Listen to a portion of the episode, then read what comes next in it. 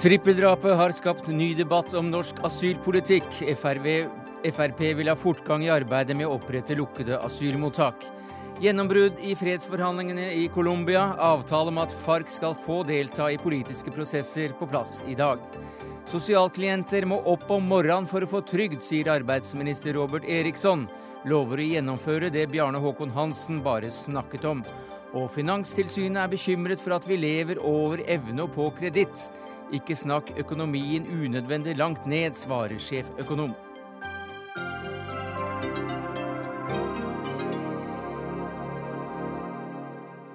Ja, Det er noen av sakene i Dagsnytt 18 denne onsdagen, der vi også skal innom folkemøtet som nå arrangeres om regjeringsblokkas skjebne, og snakke med den nye statsråden som skal avgjøre om bygningen skal bli eller må bort. Men først om drapene på Valdresekspressen.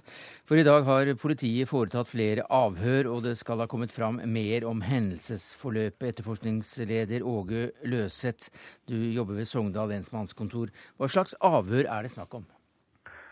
Vi avhører folk som var tidlig på plassen oppe på eh, åstaden. Eh, og vi avhører folk som eh, sikta hadde omgang med her i Årdalssamfunnet. Hva mer kan du si om det som har kommet fram i dag? Ja, Vi kan ikke gå ut med noen detaljer knytta til hva som har kommet fram under, under avhøra. Men vi jobber trutt på videre her og har gjort en god del avhør nå. Men hva har de fortalt om? Eh, kan du gjenta spørsmålet? Hva har de fortalt om? Ja, altså, De har forklart seg om uh, hendelsen oppe på fjellet, de som var til stede der oppe. Og uh, folka som er avhørt knytt til uh, bakgrunn og hans tilhold her i Årdal, har selvfølgelig forklart seg om deres kjennskap til sikta. Hva mer vet dere om hendelsesforløpet i dag? Nei, vi vet ikke så mye mer som vi kan gå ut med. Det er klart at eh, her er masse enkeltdetaljer som kommer på plass etter hva som avhøret går fram. Men det vil være feil av hensyn til det videre etterforskning nå å gå ut med enkeltheter knyttet til det. I dag var det snakk om en eh, BMW dere var interessert i å få tak i føreren av? Ja, det har vært etterlyst fører av en BMW.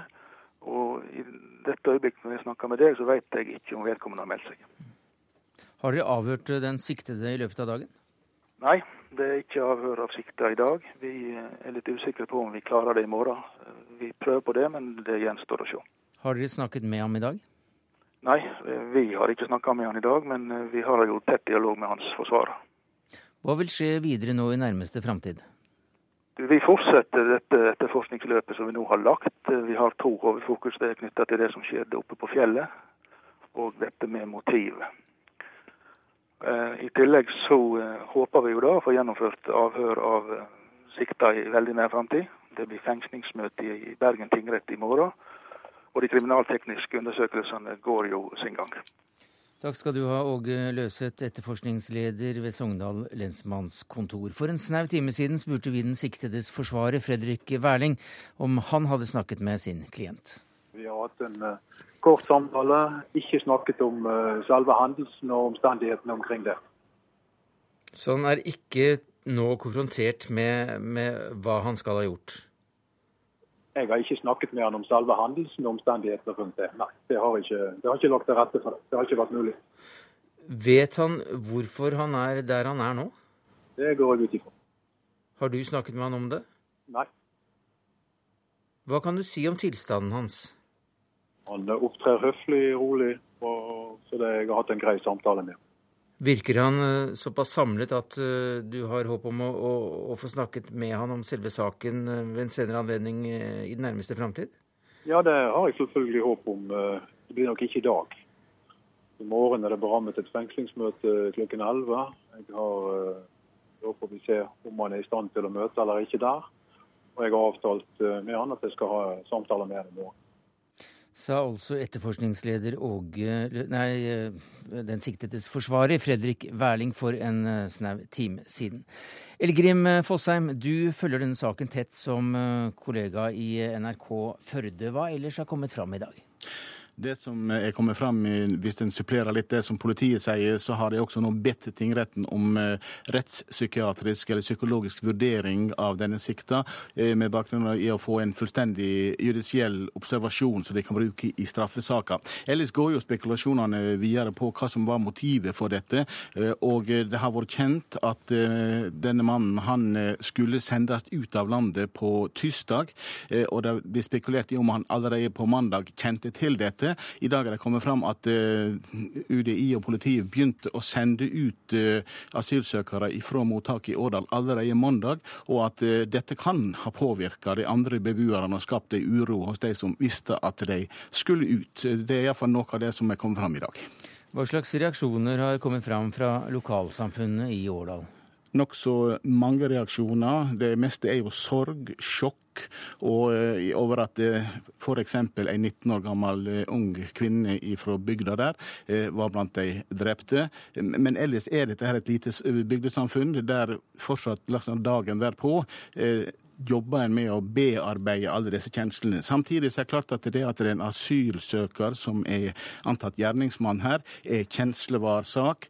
Og på sosiale medier, i, sosial, i støttesammenhenger osv., så, videre, så kommer det også fram en god del skal vi kalle det grums, sterke hatske synspunkt. Så det er en veldig blanding av sorg og, og den slags ting, og også hat og, og stygge reaksjoner på nett og i, i sosiale medier etc., etc., som reaksjon på dette. Det var jo brannvesenet som først tok hånd om den siktede, og dere snakket med brannsjefen for litt siden. Hva kunne han fortelle? Han fortalte at de kom der eh, sammen med, også med ambulansepersonell, eh, og etter en tid så vurderte de hva de skulle gjøre. Og det som skjedde da, var at ambulansefolkene eh, tok seg først inn i bussen og uh, vurderte det slik at uh, det var tryggest å ha denne mannen inne i bussen.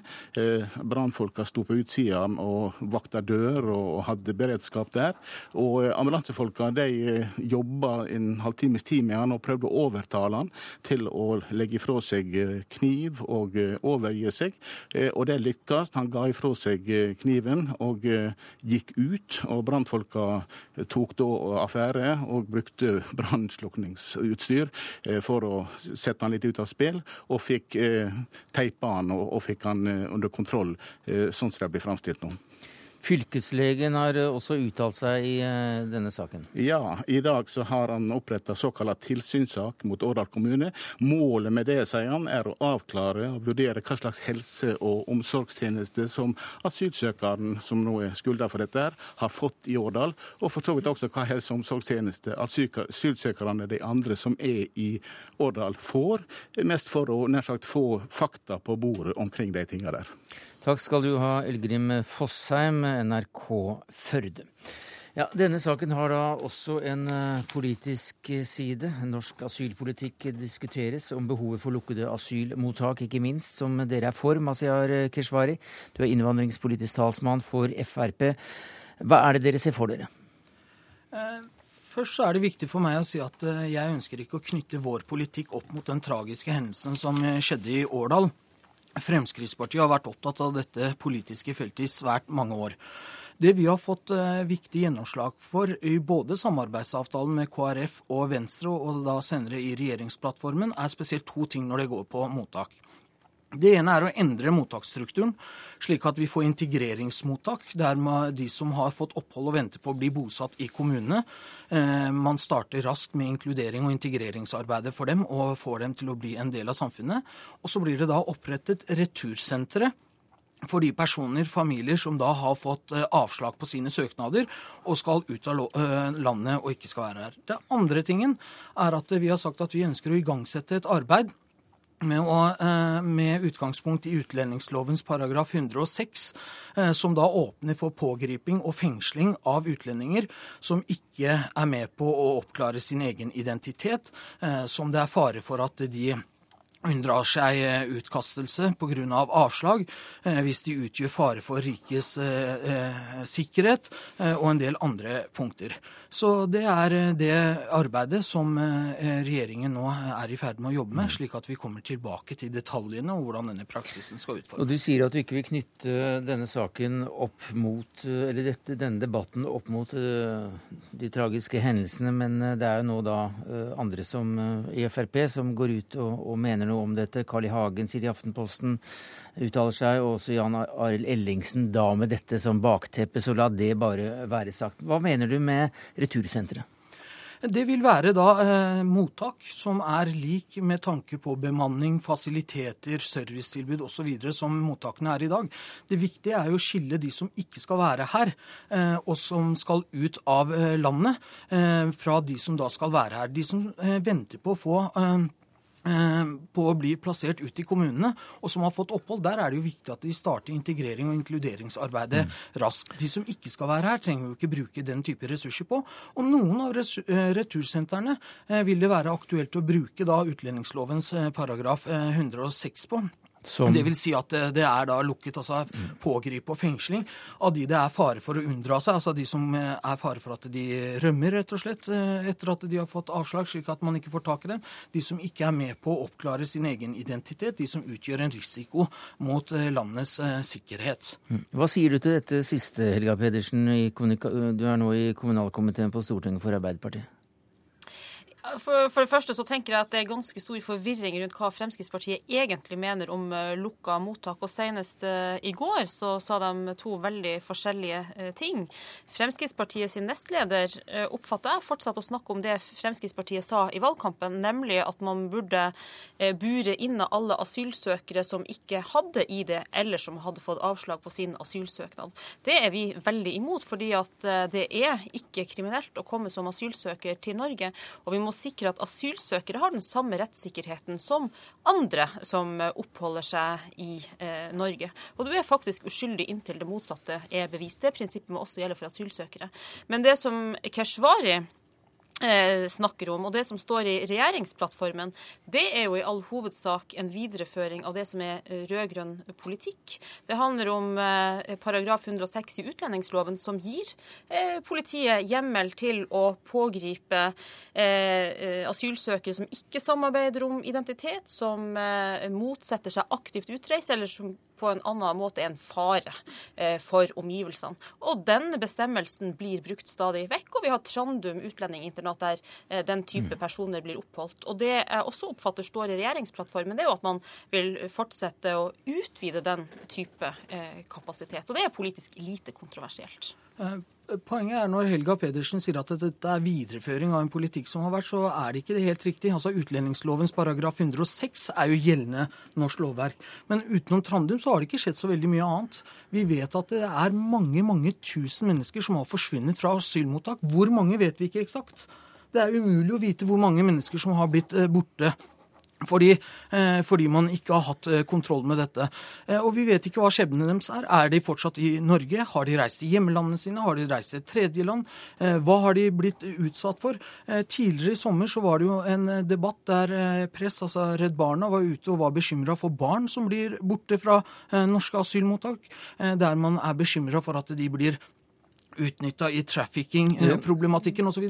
Men poenget er at det, eh, den forrige regjeringen gjorde jo ingenting. Altså Lovverket er riktig, det var der, men de igangsatte ingenting bortsett fra Trandum. Og det har mm. resultert i at tusenvis av mennesker har forsvunnet, og man har ikke kontroll. 5000 mm. mennesker er på mottak i dag som har fått avslag og returneres. Så lovverket er også greit, men praksisen var en helt annen under Arbeiderpartiet? Nei, altså jeg oppfatter jo at Keshvari eh, er enig i lovverket. Jeg oppfatter ikke at han kritiserer praksisen, men han etterlyser mer kapasitet. Og den rød-grønne regjeringa bygde jo opp kapasiteten på uh, Trandum, både når det gjelder plasser og når det gjelder bemanning.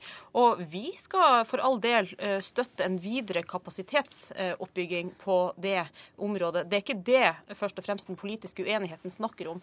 Men, men jeg, jeg, føler fortsatt at det er litt forvirring her. For i dag er det altså 5000 asylsøkere med avslag som oppholder seg i Norge. Og tanken kan da ikke være at vi skal eh, putte alle dem bak lås og slå i lukka mottak. Det er det ingen som har hevdet. Og poenget er at det er 5000 som er er på mottak. I tillegg til disse så er det 7000 andre som har fått avslag, som ingen vet helt hvor befinner seg. Og hvis man leser regjeringsplattformen som Fremskrittspartiet skal regjere på, så står det ingen steder at alle som har fått avslag på sine eh, asylsøknader, skal fengsles eller puttes i lukket mottak. Det er jo de eh, tilfellene der det er fare for at man unndrar seg eh, retur, der man ikke mm. samarbeider om kartlegging. Og det, det, altså til, det har dere hjemmel til i dag. Det er det, det er det, vi har ønsket. Poenget er at det har ikke skjedd noen ting på dette området eh, i løpet av de siste åtte årene. det er, det er ikke noe kontroll på hvem som har vært der, og hvem som har blitt borte. Unnskyld at jeg avbryter deg, men det er vel riktig at eh, hvis Frp hadde fått helt som de ville i denne saken, og ikke måtte inngå kompromisser med, med samarbeidende partier, så hadde dere gått inn for i større grad lukkede asylmottak?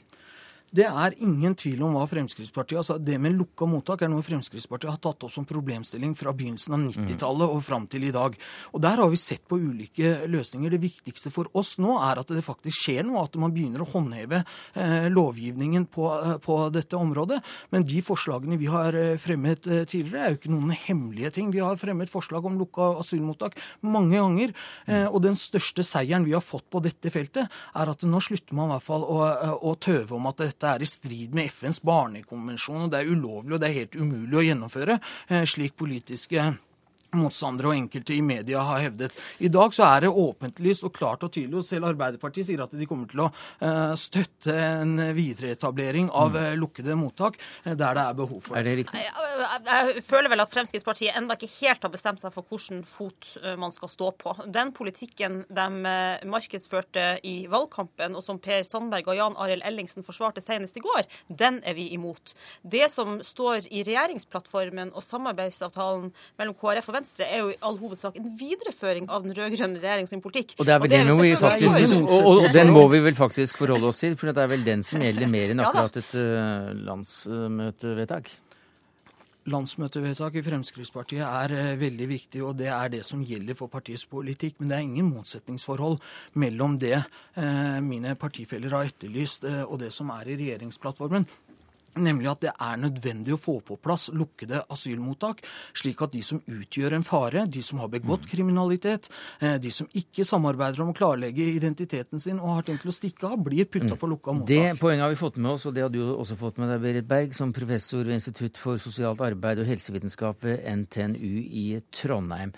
Altså mer bruk av lukkede asylmottak, mer bruk av denne paragraf 106. Hva sier du til det? Nei, For det første så må jeg også si at det er uklart hva vi egentlig diskuterer. Om vi snakker om lukka mottak, eh, snakker vi da om utlendingsinternatet på Trandum og utvidelse av kapasiteten der, eller snakker vi om noe som ligner mer på de ventemottakene vi hadde, og som ble evaluert av oss for noen år tilbake? Ja, Da kan vi få svar på det med en gang, så får vi det altså, Den nøyaktige innretningen og praksisen på det må jo regjeringen få lov til å få litt mer enn to-tre uker på seg på å komme tilbake til. Og det kan jo også være differensiering her. altså Det er klart at de som har begått de mest alvorlige eh, forbrytelsen og utgjør den største faren, mm. må jo være mer fengselslignende lukka mottak. Mens de som da er bare fare for at det blir borte eller ikke klargjør identiteten sin, her kan man få differensiering og sånn. Men mm. nøyaktige ting og praksiseringen her eh, må jo regjeringa få litt mer enn to-tre uker på seg før vi kan gå i så detaljert omfang. Jo, men altså, Saken her er jo at eh, holdningene til disse typene mottak blir veldig forskjellige fra både politiske motstandere og fra det faglige miljøene og fra NGO-ene på dette feltet. Eh, det som, det som vi sa da vi satt i Berge-utvalget, som laget utredningen om eh, asylsystemet, det var at eh, vi diskuterte retursenter og returmottak, og diskuterte det opp mot den modellen som hadde vært tidligere. Den modellen som var tidligere, var sånn at eh, det var mottak som hadde en veldig stripp bemanning og hadde en redusert økonomi til de som bodde der. Så det var et sted hvor det var meget stusslig å være. Eh, så kan du si at hvis du har fått avslag, så må du tåle det. Men poenget er, når vi diskuterer det opp mot den tragiske hendelsen som var på Valdresekspressen, så snakker vi også om å skape en type verdighet og en type situasjon som også gjør at vi kan dempe muligheter for den typen hendelser. Eh, da utvalget diskuterte dette med retursenter, så uttrykte vi skeptis, skepsis til det. Fordi vi mente at det måtte i hvert fall avklares hvem som skulle bo der. Skal det være bare voksne? Skal det være barnefamilier? Hvor hvordan skal situasjonen for dem være? Hvordan skal bemanningen være? Og hvem er det av de 5000 eh, akkurat nå som, som vil, vil, da kvalifisere for å være der? Så det er veldig mye utredningsarbeid rundt dette her som, som, som ligger der. og det har vært også en UDI-utredning rundt dette her. Sånn at jeg tror nok at det det koker ned til, er en enighet om at eh, vi bør ha asylmottak som også har et fokus på integrering, og at vi trenger noe i tillegg. Men om det da bør være eh, integrert i den samme typen bolig- eller bygningsmasse, det er det mange mm. ulike meninger om. Men med større bruk av paragraf 106, altså uh, at man kan taue dem inn på en ja, altså det, det, gjelder jo det samme som Helga Pedersen sier her, at det må jo være den samme rettssikkerheten for denne gruppa som for alle andre mennesker. Det er ikke kriminelt å være asylsøker. Så jeg har lyst til å si to ting til rundt dette med asylmottakene. Noe av det som har vært en gjenganger når vi har diskutert dette her, og som også forskningen er helt klar på, er at ventetida må ned. Det har UDI klart i veldig stor grad nå, få ned ventetida. Det er veldig veldig bra. Så må det være aktivitet på mottakene som gjør at folk ikke går til grunne og får det som man ofte kaller brokkesjuka. Så må det være psykisk helsehjelp på plass. Og det er det disse tragiske hendelsene viser så veldig tydelig, at man trenger en beredskap på det. Det siste er vi enige i, og det er nettopp derfor vi ønsker egne integreringstiltak. De som har fått opphold, de som venter på å bli bosatt i kommunene. Der skal integreringsarbeidet starte. Men så er jeg glad for at eh, egentlig forskerne her også bekrefter det jeg sier. Det har vært utredninger, det har vært forskninger, det har vært diskusjoner og samtaler, men det har ikke skjedd noen verdens ting under den, eh, under den forrige regjeringen. Her har de utreda, her har de sett på mulighetene for å ha differensierte mottak. De har ikke konkludert, og det har ikke skjedd noen ting. Det har vi fått til nå i regjeringsplattformen og i samarbeidsavtalen. Vi sier det skal være to hovedformer for mottak. Det ene er integreringsmottak for de som har fått opphold, og retursentre for de som ikke skal være her. Og de skal være så, så langt, kort tid og ut. Unnskyld at jeg avbryter deg, men så langt så er vel det forholdsvis konkret da dette, dette skiftet, at man skal ha to typer mottak? Det ligger veldig veldig klare anbefalinger om hva slags type mottaksapparat man bør ha. Og det eneste punktet hvor man også må avklare, for dette her handler jo også om økonomi. Skal man etablere eh, retursentre for 5000 mennesker, så koster dette mye penger hvis de skal bemannes på en forsvarlig måte, for her skal det da eventuelt også være mm. barn. Sånn at dette her er jo også et politisk spørsmål om det er dette man ønsker å gå for, eller om man ønsker å bygge videre på det systemet som er i dag. men, men her, her, hører du jo at eh, den nye retningslinjen er å skille disse mottakene, de som da har fått avslag og som skal mm. ut av landet, for seg. Ja, Det er mange betenkeligheter knytta til å gjøre det. fordi at det du gjør da, er å plassere mennesker som er i en veldig håpløs situasjon sammen. Eh, sånn som det var ved de tidligere ventemottakene, så var det voksne mennesker, de fleste av dem unge menn. Eh, plasserer du folk som er i en desperat og fortvila situasjon sammen, så, krever, så, er det en krevende prosess både for de som skal bo der, og de som skal mm. drifte det. Og det er eh, etter min faglige mening lite hensiktsmessig. Ja, men her, her, hører vi at det er veldig vanskelig å forholde seg til din faglige mening. På den ene sida så sier du det er helt klart at vi har sagt det bør være differensiert her. På den andre sida så har du store betenkeligheter med eh, returmottak. Returmottak er jo ikke et sted der mennesker skal oppholde seg resten av livet sitt. De skal være her til de blir uttransportert ut av landet. Og Det sier vi jo også noe om i samarbeidsavtalen og regjeringsplattformen. Det skal skje så raskt som overhodet mulig. Mennesker som har kommet hit, søkt om å få beskyttelse. Det, er, det er ikke grunnlag for at de skal være her. Men hva sier du til Bergs påstand om at det å, å la folk med den samme skjebne sitte sammen, så blir det enda mer fortvilelse? Ja, Det er uh, mulig, og det er uh, vanskelige avveininger. Men det er jo slik det er på mottakene i dag.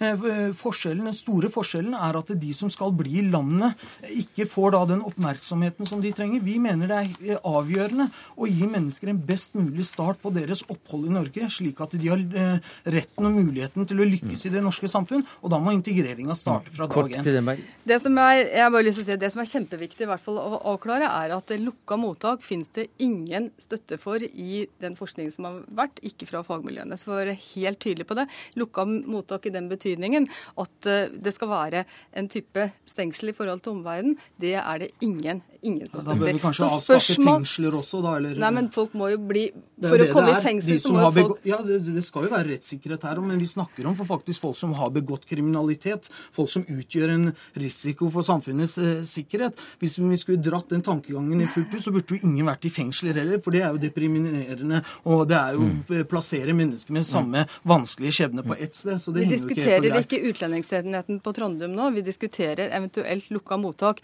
Og det, der er ikke folk dømt, hvis de skal være. Sånn at det, det handler om rettssikkerhet også for denne gruppa. Sånn at det, det står om, er om det er hensiktsmessig, om det er fornuftig å bygge opp egne retursentre, hvor da man har, som, som du også sa, den samme bemanningen som ellers, med en innretting på retur istedenfor integrering. Og det åpner utvalget sin innstilling for at man kan gjøre. Dette er et type veivalg. Men lukka mottak er det ikke noe støtte for i forskningsmeldingen. Takk skal du ha, uh, Berit Berg, professor ved Institutt for sosialt arbeid og helsevitenskap ved NTNU. Mashiar Keshvari, innvandringspolitisk talsmann for Frp, som hadde en to mot én-situasjon, i og med at Helga Pedersen også var her som medlem av kommunalkomiteen for Arbeiderpartiet. Hør Dagsnytt 18 når du vil, på nettradio eller som podkast nrk.no – dagsnytt 18.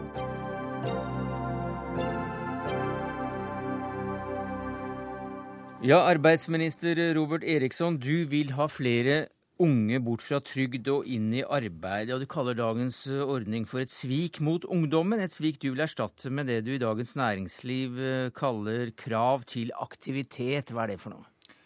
Det som jeg er veldig opptatt av, det er å sørge for at vi klarer å lykkes bedre enn tidligere regjeringer med å få flere ungdommer inn i arbeidslivet. Jeg er svært bekymra over at stadig flere unge under 40 år havner over på uføretrygd der 60% av disse eh, skyldes lettere psykiske lidelser. Jeg mener at det er et svik mot de ungdommene å stemple dem varig ut fra arbeidslivet. Som vi sa, så er da spørsmålet hva vil du gjøre med det? Jo, Da skal vi innføre både bedre gradering i uføretrygdeordningene, Vi skal sørge for at man eh, får, får også bedre gradering i forhold til sykelønn. Vi skal sørge for at man får aktivitetsplikt. Det er også noe som, ikke bare på sosialhjelp, men, men få målretta aktiviteten. For mye av den aktiviteten som har vært i dag, det har vært liksom et sånn opprop fra tidligere politikere har sagt kom dere opp om morgenen, men vi vet ikke helt hva vi kan sende dere til. Jeg er veldig opptatt av at vi skal ha noe å sende dem til, kvalifisere dem for arbeidslivet i dag og, og til arbeidslivet i morgen. Ja, for når det, må komme seg opp om morgenen, det, det slagordet er allerede brukt. Det slagordet er brukt av både Bjarne Håkon Hansen og, og flere før hans tid òg, mm. så det er ikke noe nytt slagord i det hele tatt. Men det, det dere vil med aktivitets, denne aktivitetsplikten, det er? Ja, Det er å sørge for at du får en meningsfylt aktivitet som kan kvalifisere deg inn mot arbeidslivet. Altfor mange i dagens samfunn blir tilbudt kun et trykkførerbevis. Vi har snart flere som har truckførerbevis enn hva det finnes trucker i dette landet. Eh, og, de får heller ikke jobb. Det viktigste for meg er å sørge for at vi hjelper de med psykiske lidelser gjennom aktivitet, få dem inn mot arbeidslivet. Og så er det også i forhold til å forhindre bl.a. på den annen side av saken trygdeeksport. Og, Der gjelder jo mm. også å følge opp den sida av Brochmann-utvalget som de har pekt på, mm. med aktivitet bl.a. Og Hva skjer med de som ikke oppfyller denne aktivitetsplikten sin? De som, eh, det kan være mange grunner til vi må gå gjennom hvilke typer aktiviteter vi skal ha. Eh, er du for syk til å ikke kunne delta i aktivitet, så, så har vi regler allerede i dag som forhindrer at du ikke skal Men hvis de ikke oppfyller aktivitetsplikten slik eh, dere ser det? Ja, Da blir det ikke ytelser i, i, på, på, det nivået. Dag Terje Andersen, nå i arbeids- og sosialkomiteen på Stortinget for Arbeiderpartiet. Hva sier du til dette? Først og fremst det statsråd Eriksson sier i forhold til aktivitetsplikt, så er det sånn at det som det blir sagt, det er sagt tidligere, og vi er helt enig i det. Eh, altså, og det er et system for det eh, i dag. Det er sosialkontor i forhold til unge som får sosialhjelp, kan kreve aktivitet. Eh, så for å si det sånn, Robert Eriksson må stå tidlig opp om morgenen hvis han skal være mer for at folk skal stå opp om morgenen enn det Arbeiderpartiet er. Eh, det er vi som står bak slagordet 'gjør din plikt og krev din rett', og rekkefølga er ikke tilfeldig. Men det eneste som jeg er uenig i så langt av det Robert Eriksson har sagt i forhold til det med plikten, er at han sier han vil innføre den for for alle. Og det er da jeg syns det blir for byråkratisk uh, å sitte i Oslo og si at alle skal ha en arbeidsplikt. For at, uh, det er uh, mulig å få sosialhjelp i dag f.eks. én måned til å hjelpe deg over en kneik for folk som er i arbeid, men har kommet dårlig ut økonomisk. Da vil ikke arbeidsplikt nødvendigvis være det riktige i forhold til det. Men det å pålegge arbeidsplikt fra sosialkontoret, det er det full anledning til i dag. og Det er ikke noe nytt, og det er vi for, og det vil vi òg videreføre. Ja, nei, Det er ikke noe nytt at det, det, kan være aktivitetsplikt. Altså Det er en åpning i dagens sosialtjenestelov på at du kan faktisk ha, kan, Men kan dere sier at det skal være? Men Vi ønsker at det skal være det. Og vi ser Undersøkelser viser at det er bare de store Nav-kontorene som tilbyr en individuell plikt og, og, har et ordentlig opplegg for aktivitet retta mot, mot uh, arbeid. Uh, mens de små ikke gjør det. Jeg synes ikke dette er byråkratisk. For vi skal, vi skal gjøre det både å gå gjennom systemet sånn at vi får det enkelt, lett forståelig, og, og har fornuft i det. Fordi at uh, jeg mener at Det verste som kan skje, det er at du gir opp folk. Det at vi og jeg syns ikke de som bor i en kommune med et lite Nav-kontor, at vi skal gi opp dem og plassere dem eh, på, på utsida. Jeg syns at de også har rett til å få en tett oppfølging for å komme inn tilbake til arbeidslivet. Men det sentrale spørsmålet er, for det er aktivitetsplikt i dag. Vi er for aktivitetsplikt for dem det er riktig å ha aktivitetsplikt for. Eh, så enten så mener Robert Eriksson at alle skal ha aktivitetsplikt, enten det er riktig eller ikke. Eller så mener han ikke at alle skal ha aktivitetsplikt, at det skal være en vurdering. Og ja. der, der er ordningen allerede på plass. Ja, jeg mener at man alle skal ha i utgangspunktet, hovedregelen skal være, og spesielt for, for ungdommer under 40 år, mm. så skal det være aktivitetsplikt for alle, så frem til at man har en helsetilstand som tilsier at man kan gjennomføre aktivitet. Har man en helsetilstand som tilsier at man ikke kan gjennomføre aktivitet, ja, så er det selvfølgelig ikke, det kan man ikke pålegge det. Jo, men Problemet er at det blir veldig skjematisk å sitte i Oslo og si at en, sosial, en som søker om sosialhjelp i Snåsa eller et annet sted, at det riktige for akkurat han er, eller hun er eh, arbeidsplikt. For eh, som sagt, det er mange grunner til at folk kanskje er én gang på sosialkontoret.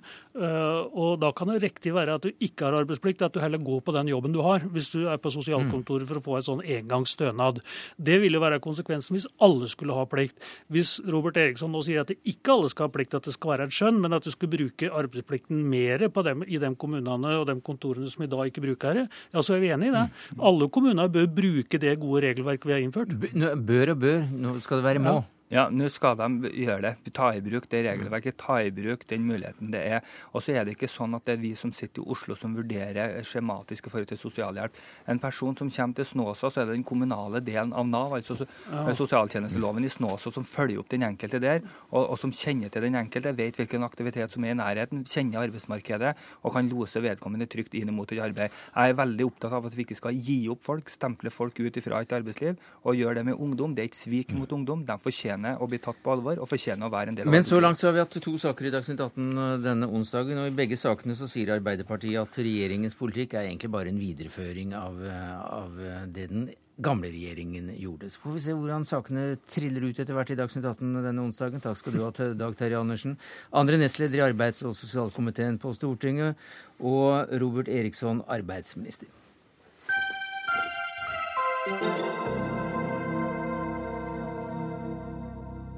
For vi skal ut av landet og til eh, Colombia eller Havanna, Cuba, alt ettersom. Colombias regjering og FARC-geriljaen kunngjorde uansett i ettermiddag et gjennombrudd i fredsforhandlingene.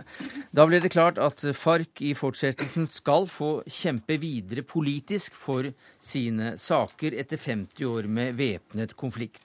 Noe som ifølge partene selv er et gjennombrudd. Og hvordan ser du dette, Jan Egeland, generalsekretær i Flyktninghjelpen, med lang fartstid, bl.a. som FNs utsendte i fredsprosessen i Colombia?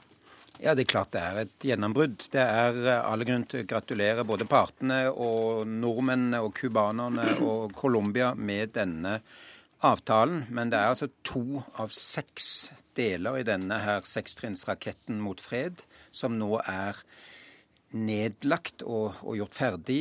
Det har tatt et halvt år omtrent for hver avtale til nå. Jeg kan ikke se at jeg har to nye år for å bli ferdig med de fire siste, men det er en gledens dag for et hardt mm. prøvet krigstrett folk. Ja, La oss ta den, det du kaller gledelig. Hva innebærer det? Well, det, det innebærer at den eldste og største geriljabevegelsen i den vestlige verden, FARC, som er en en svær hærarmé. Jeg kjenner den godt, har brukt mange dager med den, bl.a. ute i jungelen der de er. At de sier vi er villige til å legge ned våpnene en dag og bli et politisk parti. Og så sier regjeringssiden ja, vi, vi, vil faktisk garantere dere, i alle fall i begynnelsen, en plass i det politiske liv hvis dere bytter geværene for stemmesedlene. Men hva er det som er så gledelig ved det? Skulle det ikke bare mangle? Eh, ja, Det som er gledelig ved det, er at, eh, dette, at de har i 50 år vært eh, så uenige at de har slåss mot hverandre, og at fem millioner mennesker er internt fordrevne, 400 000 er flyktninger. Og hver eneste, dag dør der, hver eneste uke dør det fortsatt mange mennesker i den konflikten. Altså, FARC oppsto i 1964 som en slags selvforsvarsgruppe, og ble etter hvert en marxistisk gerilja som ville slåss for å overta makten i Colombia. Det var utgangspunktet. Men ligger det i dette eh, at eh, man ikke skal straffeforfølge eh, personer som har gjort overgrep? Altså 200 000 er drept, ja. 2-3-4 millioner på internflukt? Ja, altså det, er, det som jo er realiteten, er at her sitter det to parter ved bordet, og, og de mennene som sitter der, har ofte personlig til med blod opp til eh, albuene, ikke bare på hendene, men opp, opp til albuen. Altså så blodig har den konflikten vært. Og jeg ser ikke at bl.a. Norge kan være observatør til en avtale som gir straffefrihet for krigsforbrytelser. Så et eller annet form for rettsoppgjør må komme, og det er Ingen av, ingen av sidene er interessert i det, verken geriljakommandantene eller hærens generaler som sitter ved bordet og har også svære ting på samvittigheten. Hva ville det gjøre med fredsprosessen, hvis det plutselig ble mm, snakket om at man må straffeforfølge de som har begått uh, overgrep? Ja, altså det er, jo, det er, jo, klart at det er en, en bremse på entusiasmen. Det har geriljaene også sagt. Men, men, men, men det kan jo også være at de blir faktisk enige om at noen av dem må ta en tur innom fengsel for å gjøre opp for overgrepene som er helt opplagt skjedd, og som var mot uskyldige sivile. Og begge har gjort seg skyldig i drap av uskyldige sivile. Så er da spørsmålet hvordan er denne fredsprosessen sett på i Colombia. Marta Rubiano Skretteberg, du er eh, selv fra eh, landet. Du var nylig i Colombia som generalsekretær i hjelpeorganisasjonen Caritas.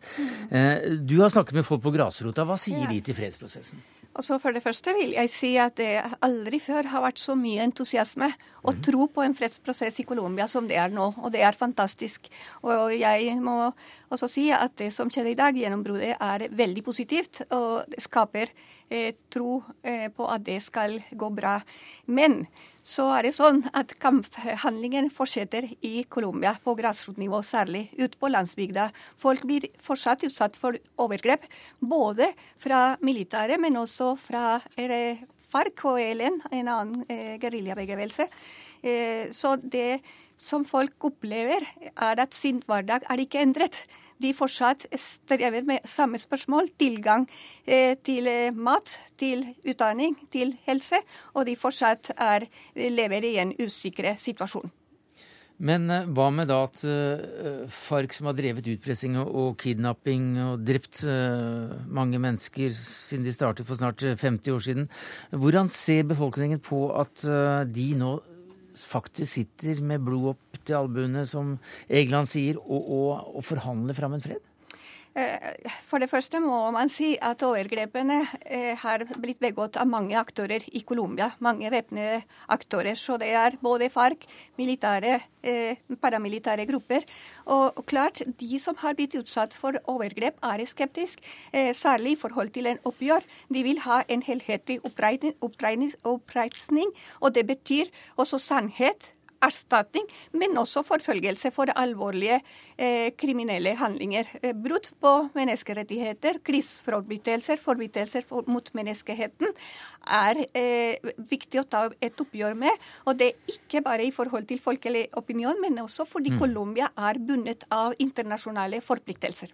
Egeland, eh, du snakket om dette her i eh, Nyhetsmorgen i, i, i dag i NRK, og da nevnte du også Sør-Afrika. Men at ikke det var en klar parallell til denne var det Sannhetskommisjonen, eller eh, hva den het, denne måten å, å lege sår på? Jo, altså Sannhetskommisjonen, som jeg også tror kommer ut av denne til, til slutt. Altså Man må ha esclarecimiento historico, som man sier så, så flott på, på, på, spansk. Altså en historisk lys på det som har skjedd.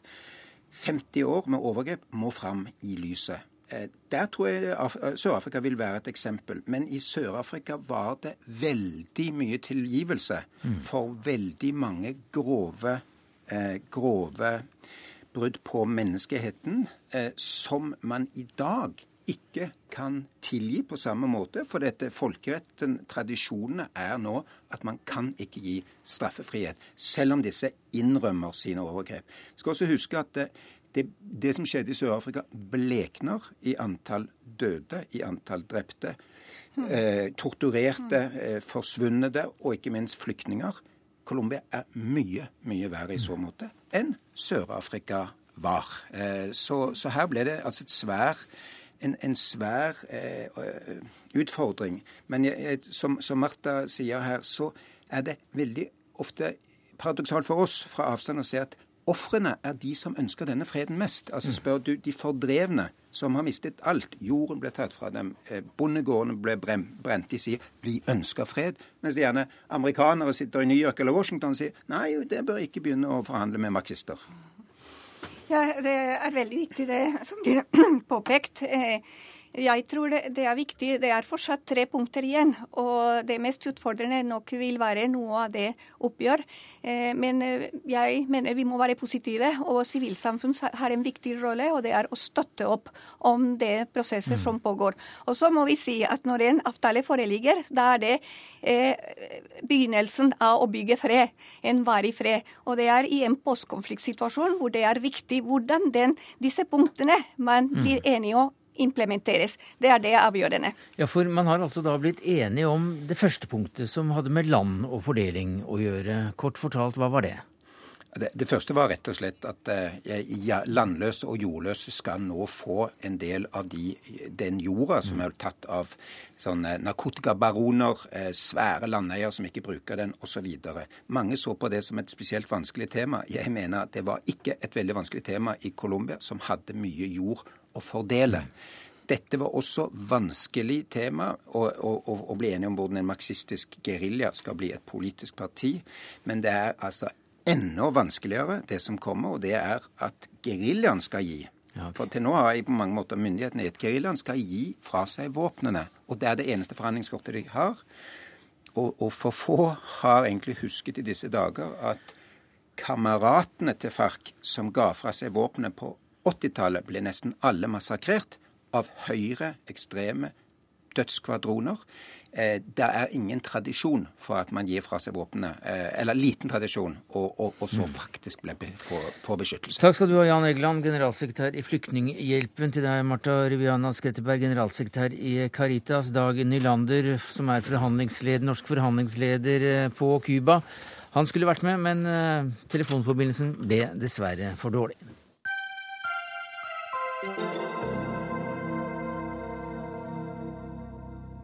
Og vi har bedt uh, deg sitte litt lenger, Jan Egeland, for uh, i dag så kom uh, TV-kanalen Al-Jazeera med nyheten at et sveitsisk forskerteam skal ha funnet rester av det giftige stoffet polonium i Arafats levninger. TV-kanalen skal ha fått tilgang på denne rapporten, som ble overlevert til palestinske myndigheter i dag, og dermed underbygger de altså mistanken om at palestinernes avdøde president ble forgiftet. Dette fikk vi vite ganske eh, rett før vi gikk inn i studio, men du var jo sentral i Oslo-prosessen, og du traff Arafat. Eh, inntil bare et par år før han døde. Hva sier du til dette?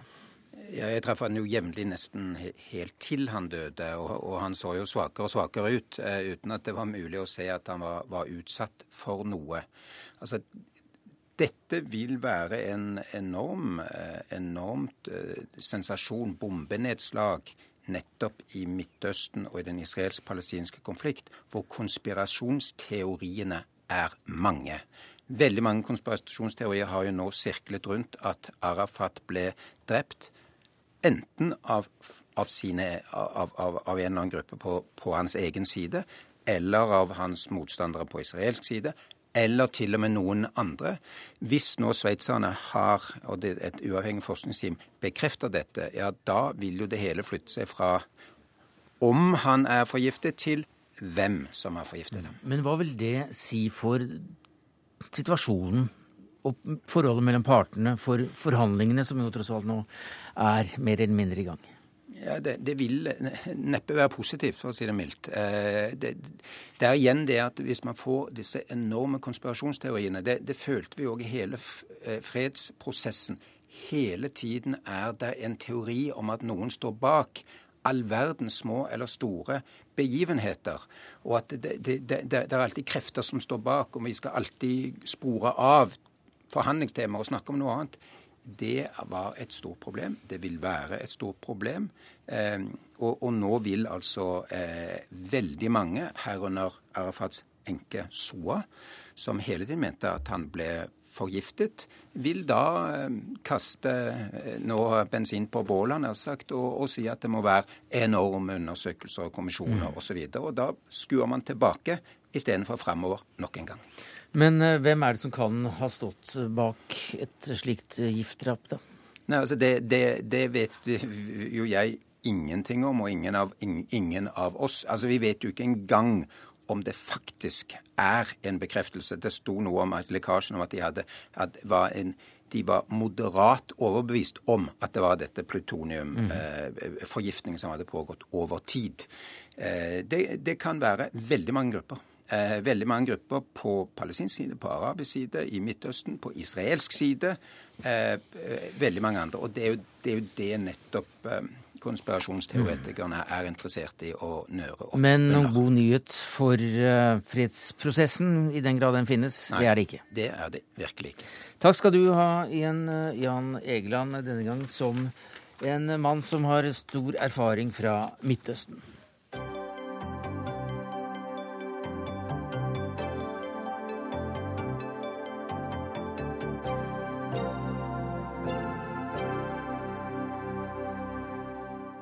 Ja, Oljeprisen er ikke lenger så høy. Ikke veksten der ute heller, men norske husholdninger fortsetter å leve høyt på kreditt, og det bekymrer Finanstilsynet og deg som er direktør der, Morten Baltzersen. Du la fram rapporten Finansielt utsyn 2013, og hvordan vurderer dere i Finanstilsynet dette? Ja, Det vi ser, er jo at uh, husholdningenes gjeld fortsetter å øke mer enn inntektene. Og da eh, betyr det også at eh, gjeldsgraden, gjeld i prosent av inntekt, fortsetter å øke fra et rekordhøyt nivå. Hvor høyt er det nå, da? Det er nå to ganger inntekten, er eh, husholdningens samlede gjeld. Hva er det som bekymrer deg med det?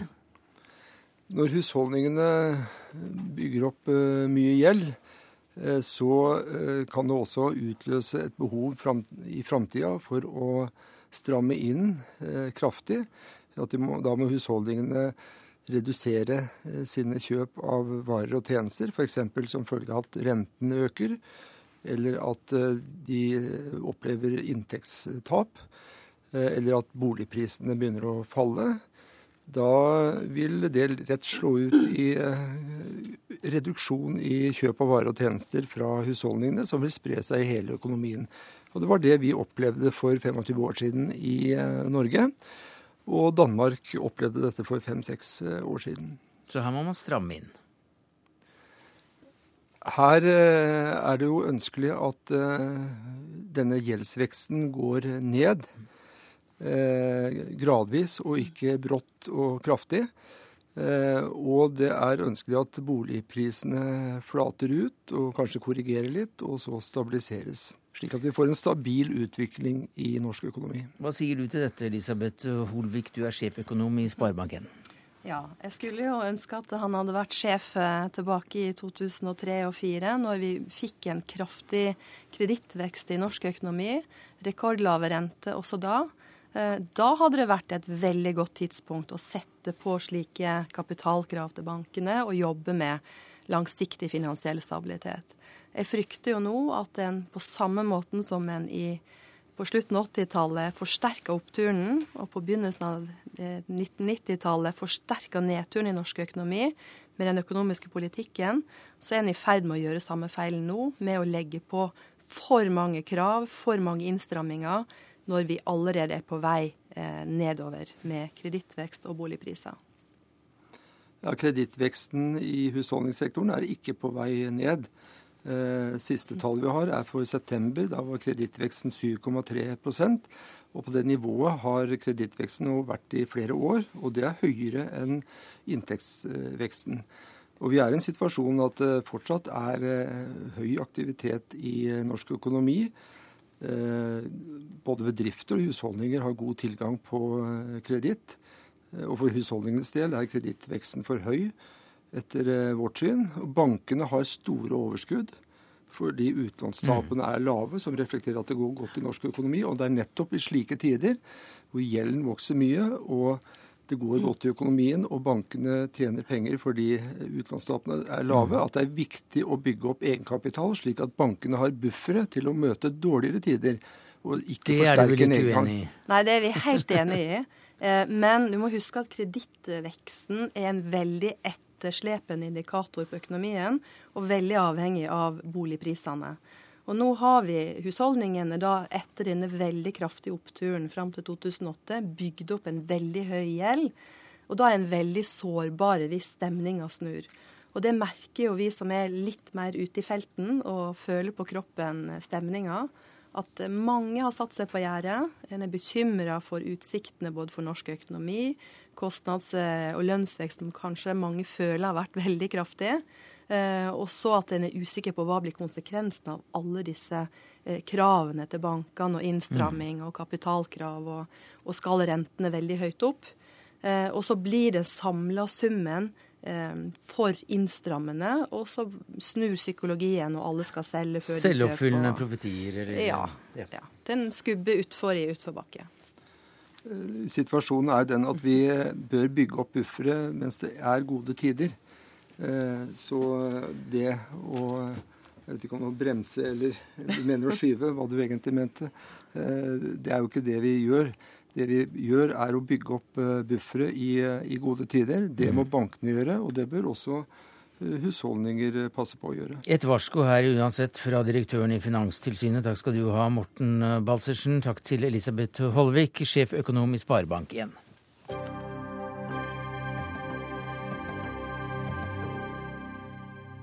Riv, riv eller fred? Det er spørsmålet den nye regjeringen skal ta stilling til. Og akkurat nå arrangerer Norsk Form et folkemøte i Oslo sentrum om regjeringskvartalets skjebne. Og den nye moderniseringsministeren er også til stede. Thomas Alvarstein Ove, hva slags møte er dette? Det er altså et folkemøte der, eh, der, vanlige folk og interesserte, det er nok mye fagfolk her i dag også, skal få lov å, å stille den nye kommunalministeren eh, spørsmål om eh, denne høyblokken skal få lov å stå eller ikke. Salen er i hvert fall proppfull. Folk står borte etter veggene og sitter på gulvet for å få dette med seg nå i kveld. Hva håper man kan komme ut av møtet? Ja, Det er det store spørsmålet. Kommunalministeren eh, er nokså tydelig på at det ikke kommer noe klart svar på dette i kveld. Det er mange spørsmål som krever svar før det siste store spørsmålet, riv eller fred, kan eh, besvares, ble det sagt i innledningen han eh, hadde her. Det har altså vært mye fram og tilbake, og som kommunal- og moderniseringsminister så vil du jo slippe slippe unna veldig mye mas og også arbeid, om du nå kan si ganske høyt og klart om Høyblokka skal fredes eller ikke. Hva sier du, Jan Tore Sanner? Jeg er opptatt av at vi får en uh, god og skikkelig uh, prosess. Uh, nå er jo denne konseptvalgutredningen den er til kvalitetssikring. Og jeg er opptatt av å lytte til både fagmiljøer og andre som er interessert. De som vil at jeg skal fatte en rask beslutning eller markere et veldig tydelig ståsted, de vil jo helst at jeg skal være enig med dem. Og Bare i dag så får jeg tre helt forskjellige råd gjennom avisene. I tre aviser så er det tre ulike råd og eh, som sagt tre ulike konklusjoner. Og Derfor er jeg opptatt av at eh, nå skal vi få de faglige vurderingene, og så skal vi foreta en avveining eh, mellom kulturminner, bymiljø, et funksjonelt eh, forvaltningsapparat eh, og sikkerhet. Det er tre, fire viktige momenter som vi skal avveie uh, før vi skal fatte en viktig beslutning som kommer til å stå for mange generasjoner mm. fremover. Men du har selv, ettersom, etter hva vi forstår, vært oppe i selve Høyblokka nå ganske nylig. Hva slags inntrykk gjorde det på deg? Ja, det gjorde et veldig sterkt inntrykk. for det er klart at Eh, bakgrunnsbildet her er jo den dramatiske eh, og dypt tragiske hendelsen 22.07. Eh, og når man beveger seg inn i Høyblokka, så tenker man selvsagt på alle de menneskene som jobbet der, som hadde sitt daglige virke, og de mange viktige beslutninger som ble tatt. Eh, så det var et sterkt inntrykk å, å, gå der. Samtidig så var det viktig for meg å gjøre det og se eh, Høyblokka slik den er nå. Se kunsten som fortsatt er på, på veggene og som er eh, intakt. Eh, nå handler det om å sette seg inn i saken, og så skal vi etter hvert ta de viktige eh, beslutningene. Og Da er det også viktig at vi har en god prosess med bl.a. Oslo kommune. For regjeringskvartalet ligger midt i Oslo by, og vi er også opptatt av at vi sikrer eh, bymiljøet, et åpent bymiljø. Men hvilke løsninger ser du for deg som de mest reelle alternativene? Ja, nå ligger det jo ulike eh, forslag i denne konseptvalgutredningen. Eh, og Kvalitetssikringen kan jo også bidra til at det kan komme opp andre forslag. Så jeg vil ikke nå peke verken den ene eller annen retning. Eh, min oppgave nå er først og fremst å, å lytte, få innspillene fra de mange fagmiljøene og andre som er interessert. Og så vil eh, regjeringen etter hvert eh, gå inn i og foreta de vanskelige avveiningene. Etter hvert, hva betyr det? Nei, nå får vi kvalitetssikringen tidlig i 2014. Eh, og så skal det være en eh, god prosess eh, med Oslo kommune, næringsdrivende og andre. Hvor lang tid tar det, da? Jeg vil ikke gi noe, gi noe tidspunkt, for jeg er opptatt av at prosessen her er, er, viktig. Vi skal ha stort trykk i prosessen. Det er viktig at vi fatter beslutningene.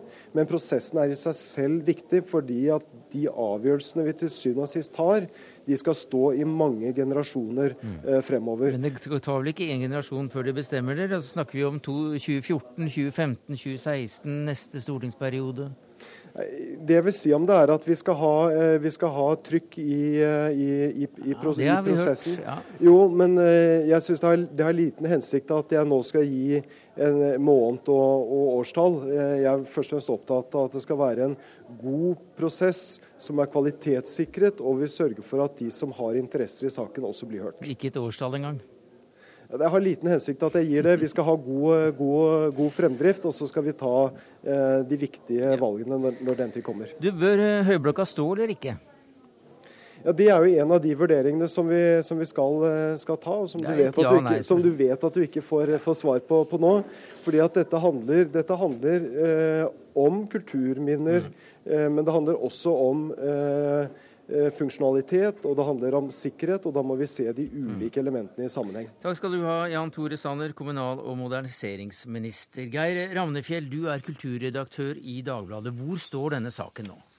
Nei, nå står jo den saken at uh, først uh, i sommer så uh, ble et utvalg som var satt ned av, av Fornyings- og administrasjonsdepartementet, de kom fram til at det ikke var regningssvarende å bevare Eh, verken Høyblokka eller Y-blokka. Eh, det mente Riksantikvaren var en skandale, rett og slett. Mm. Og kom også med en, sin egen utredning, som var bestilt fra Miljøverndepartementet, som kom fram til den stikk motsatte konklusjonen.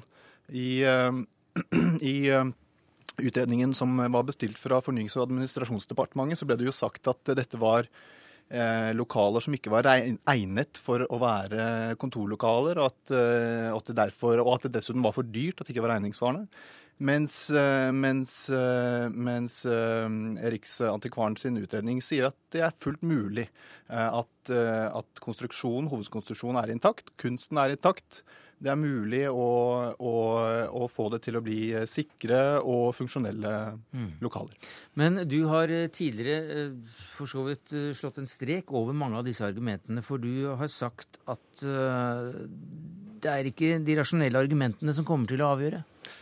Nei, det er jo ikke det. fordi uh, dette her er jo en sak som har en mye større verdi uh, kulturhistorisk, og en mye større verdi som som et monument for ettertiden. Og det er jo den type argumenter som vil være de viktigste og vil være avgjørende når man ser tilbake på denne saken, som er en veldig viktig beslutning. Og det er jo ikke så rart at Sanner ikke vil si noe, for det, han vil jo ha fokus på prosessen så lenge som mulig. fordi dette er jo en sak som til slutt som vil han måtte tråkke noen på tærne. Og da har han lyst til å ha så, mange, så lang prosess som mulig og så mange innvendinger mm. som man tar hensyn til. Men du ser også dette som et verdivalg? Ja, jeg ser på det som et verdivalg. Altså, hvis vi skal ta vare på de viktige eh, kulturminnene i eh, landet vårt, så er helt klart Høyblokka eh, en av de viktige kulturminner som vi bør ta vare på. Hva vil regjeringen komme fram til, da? Jeg tror vel at uh, ja, jeg tror vel at regjeringa vil komme fram til at, de vil, at man må ta, ta vare på Høyblokka. på en eller annen måte? Ja, jeg tror det. Mm. Altså, når Riksantikvaren så, uh, så, tydelig sier at, uh, at, at bygningene er mulig å ta vare på, at mm. hovedkonstruksjonen er intakt, at det går an å bruke det som eh, som eh, lokaler, så vil det måtte være mulig. Og det er jo ikke Ja, unnskyld. Nei, jeg bare sier at, eh, at, sånn er det. Da vet vi atskillig mer. Men vi må sette strek her for Dagsnytt 18. Takk skal du ha, Geir Ramfjell, kulturredaktør i Dagbladet. Ansvarlig for det hele var Siri Storstein Hytten, Karl Johan Rimstad og Sverre Tom Radøy.